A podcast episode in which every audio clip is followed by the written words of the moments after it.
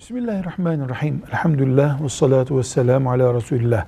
Kurban kesilirken nelere dikkat edeceğiz? Bir, kurban olacak hayvandan kurban edeceğiz. Yaşına dikkat edeceğiz hayvanın. İki, kurban kesmek bir hayvan öldürmek değildir. Bir canı Allah'a vermektir. Dolayısıyla namaza gösterdiğimiz titizliği kurbanda da göstermek zorundayız. Allah için bir iş yapıyoruz hayvana eziyet etmeden, tefekkür ederek ve düzgün yaparak kurban kesmemiz gerekiyor. Ve hayvanın iki büyük damarının kesilip kanının rahatça dışarı akmasını sağlamak en önemli bir iştir.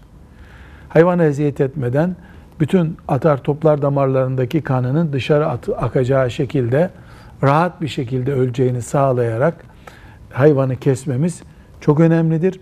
Bunun dışında hisseli kurban kesiyorsak hissedarlar arasında sorun olmayacak bir şekilde kurbanı yüzde yüz huzurlu ve adaletli bir şekilde kesmekte en önemli görevimizdir. Unutmuyoruz.